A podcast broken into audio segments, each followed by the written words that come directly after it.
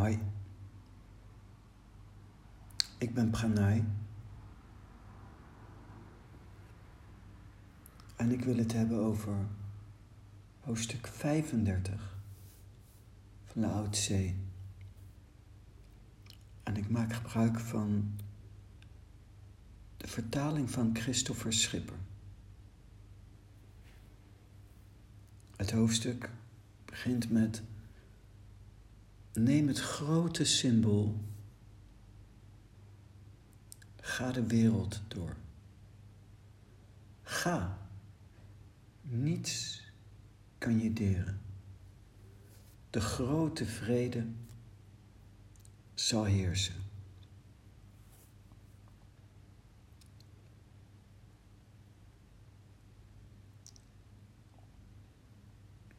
Ik moet dan denken in eerste instantie aan Iyengar, een yogi.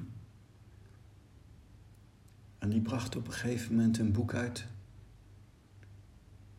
Met allemaal foto's van hem in yoga-houdingen. En die noemde die The Art of Yoga. En hij legde daarbij ook uit dat het ook best wel belangrijk is dat als je dan een sadhana doet, spirituele oefening. En je bouwt iets op.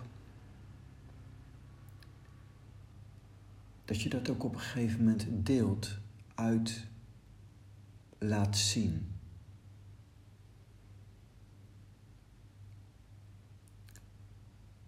En zoals bijvoorbeeld bij een Shavaka.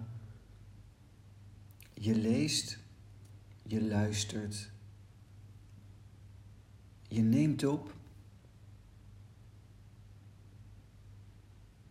en verkondigt. En ook zeker dat en verkondigt. Die art of yoga. En ook het verkondigen van de leer.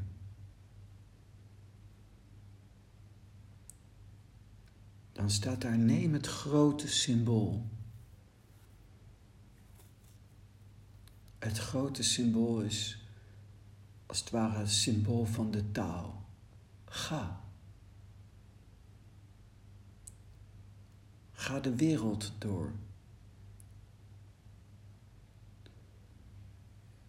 Je bouwt iets op en dan ga naar buiten.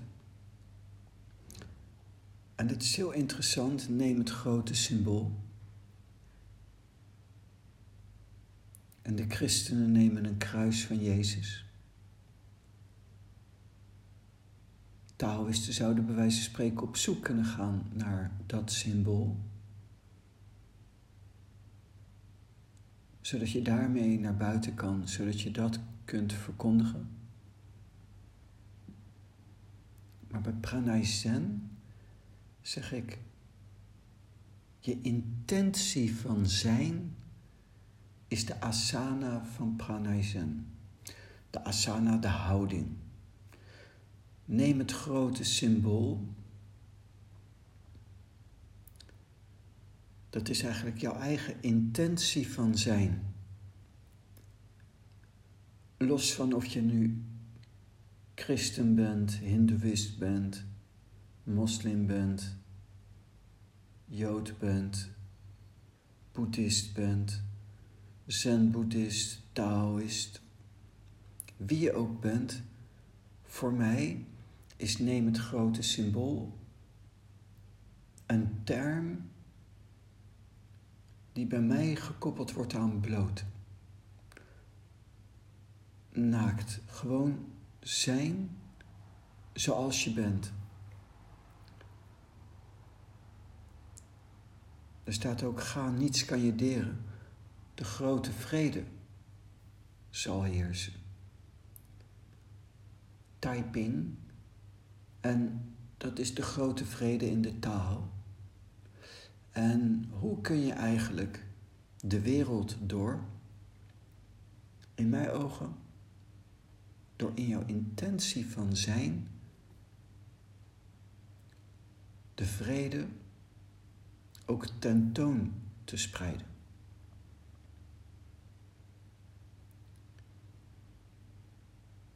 In mijn geval door bloot zijn, in die zin van heel ontspannen, natuurlijk, gewoon zijn. Een bepaalde intentie, dat je demonstreert de rust, de vrede.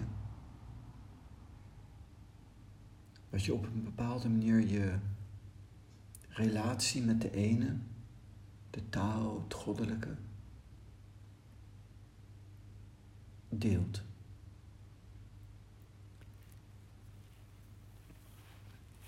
Zoals ik bijvoorbeeld deze podcasten deel.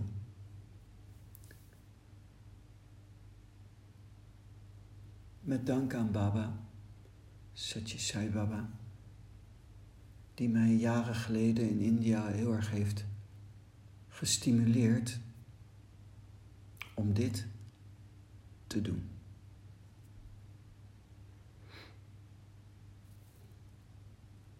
En ik vroeg eens aan hem, maar wat moet ik dan schrijven? Wat moet ik dan doen?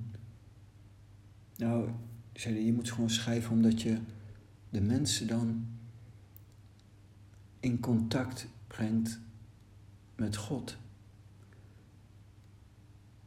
En toen vroeg ik maar, hoe doe ik dat?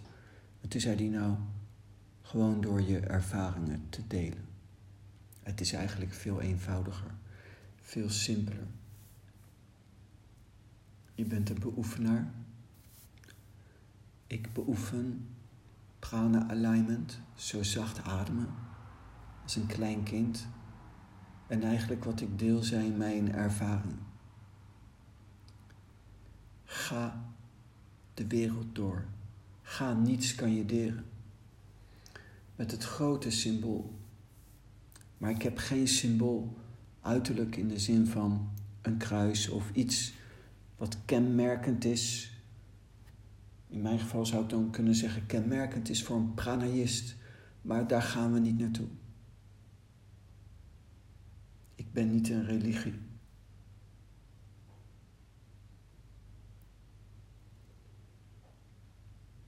Ik wil ook geen beweging zijn, een organisatie zijn. Dat is het naakt zijn. Ik wil eigenlijk liefst dat je gewoon jezelf bent en de vrede vindt gewoon in jezelf. Voor mij is dat het grote symbool. Gewoon zijn. Gewoon zo zijn zoals je bent.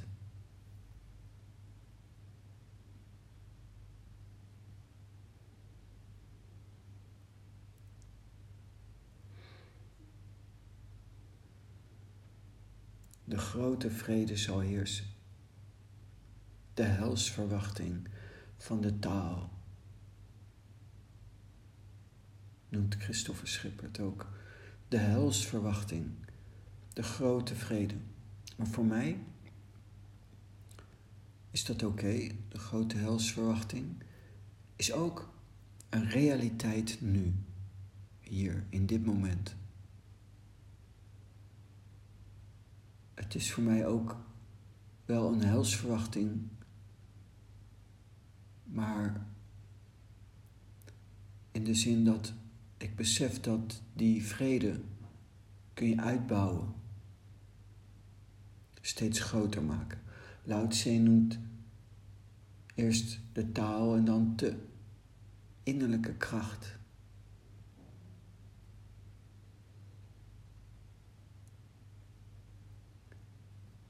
innerlijke kracht. Misschien in moderne taal intentio. Ik zeg moderne taal. Het is oud, oud Latijns, maar ik bedoel in mijn podcast de moderne taal.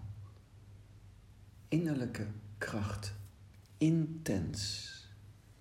De oorsprong van intentio, intens Je vindt het licht. Je vindt de ene. Je ontdekt prana. En dan bouw je dat uit. Nu, hier. De helsverwachting is mooi. Het is in de zin van dat je door kunt gaan met uitbouwen.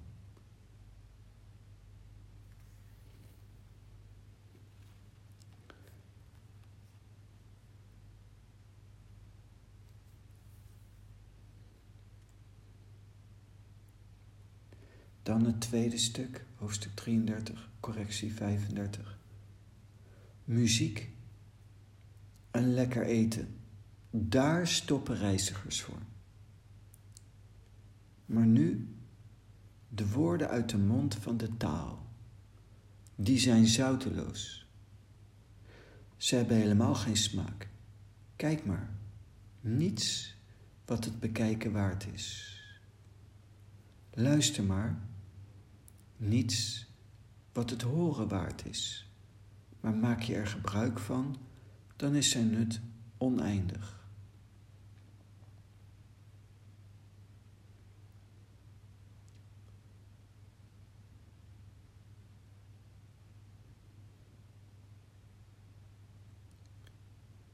Het is een heel mooi stuk, er zit heel veel in. Maar laat ik het eens koppelen aan iets concreets. Bijvoorbeeld, ik heb een dag gewerkt, ik kom thuis en eigenlijk heb je soms zin om je zinnen te verzetten. Muziek en lekker eten, daar stoppen reizigers voor. Mijn ervaring is dat je regelmatig bepaalde vorm van onrust opbouwt en dan is de eerste impuls van je persoon is muziek en lekker eten.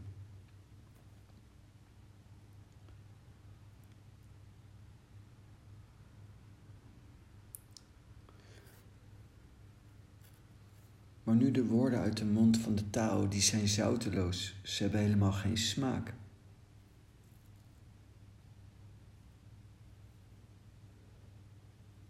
Dan kom je thuis en dan wil je eigenlijk vermaken. Een televisieserie, chips, cola, wat dan ook. Want je wilt vermaken en dan de woorden van de taal. Maar wat ga je doen? Wat ga ik doen? Niet iets. Dus ik kom thuis, er is niks. Ik zet geen televisie aan. Zelden zet ik zelfs muziek aan. En dan zit ik in de stilte. En zeker op het begin zijn die woorden uit de mond van de taal zouteloos. Ze hebben helemaal geen smaak. Maar maak je er gebruik van, dan is zijn nut oneindig. Maar ga je gewoon stilzitten, rustig. En op het begin misschien soms niet rustig. Het is een kwestie van tijd. Maak je er gebruik van. En dan ga je rustig zitten.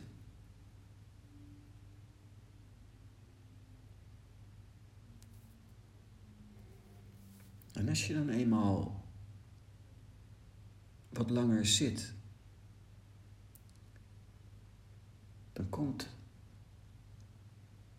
de ene prana je band met het goddelijke spontaan tot leven. Spontaan. Ik zeg in een van het begin van mijn boek gewoon zijn ergens. Je bereikt het ene niet anders dan door stil te zitten.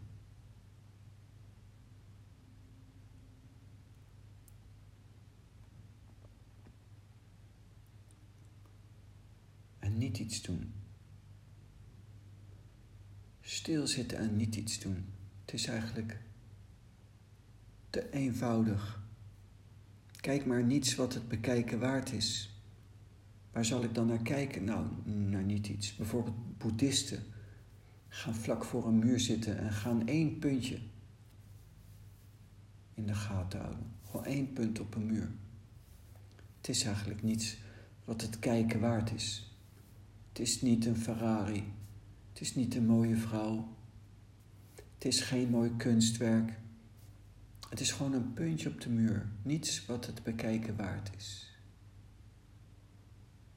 Zeker in het begin kun je erg onrustig raken. Maar dan, dan het moment dat je er gebruik van gaat maken, dan is zijn nut oneindig. Eenmaal binnen in de wereld van niet iets, eenmaal binnen in de wereld van prana. Ik zeg dan, zitten in stilte, tevreden in nu. Maar daar stopt het niet. Je raakt ook extatisch in prana. Stoned in prana.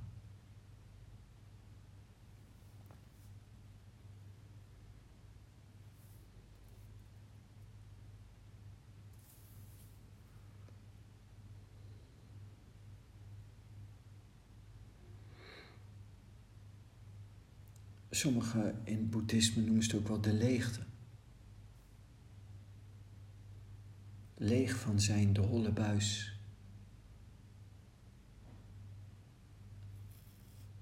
En zodra je leeg raakt, kan de prana door je heen stromen. In het uiterlijk is niks, maar leeg kan de prana in je stromen.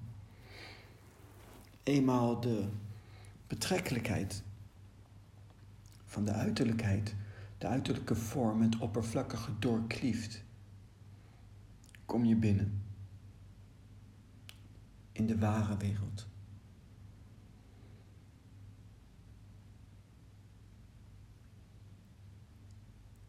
Dat. Dat is het. Het is iets wat je moet ontdekken. En je moet er ook even doorheen. En soms is dat even iets langer dan even. En dan moet je even doorzetten. En dan kom je bij de helsverwachting, de grote vrede.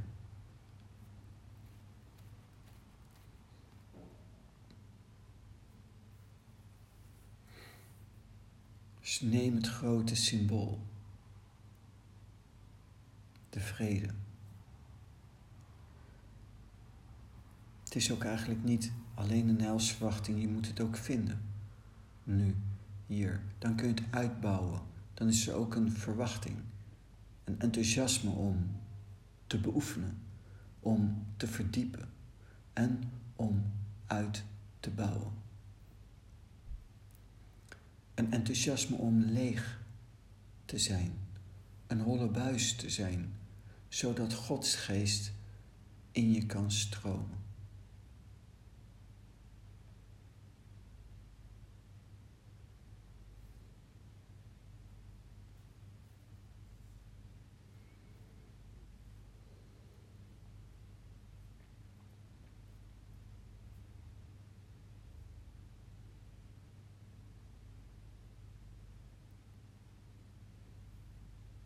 Nou.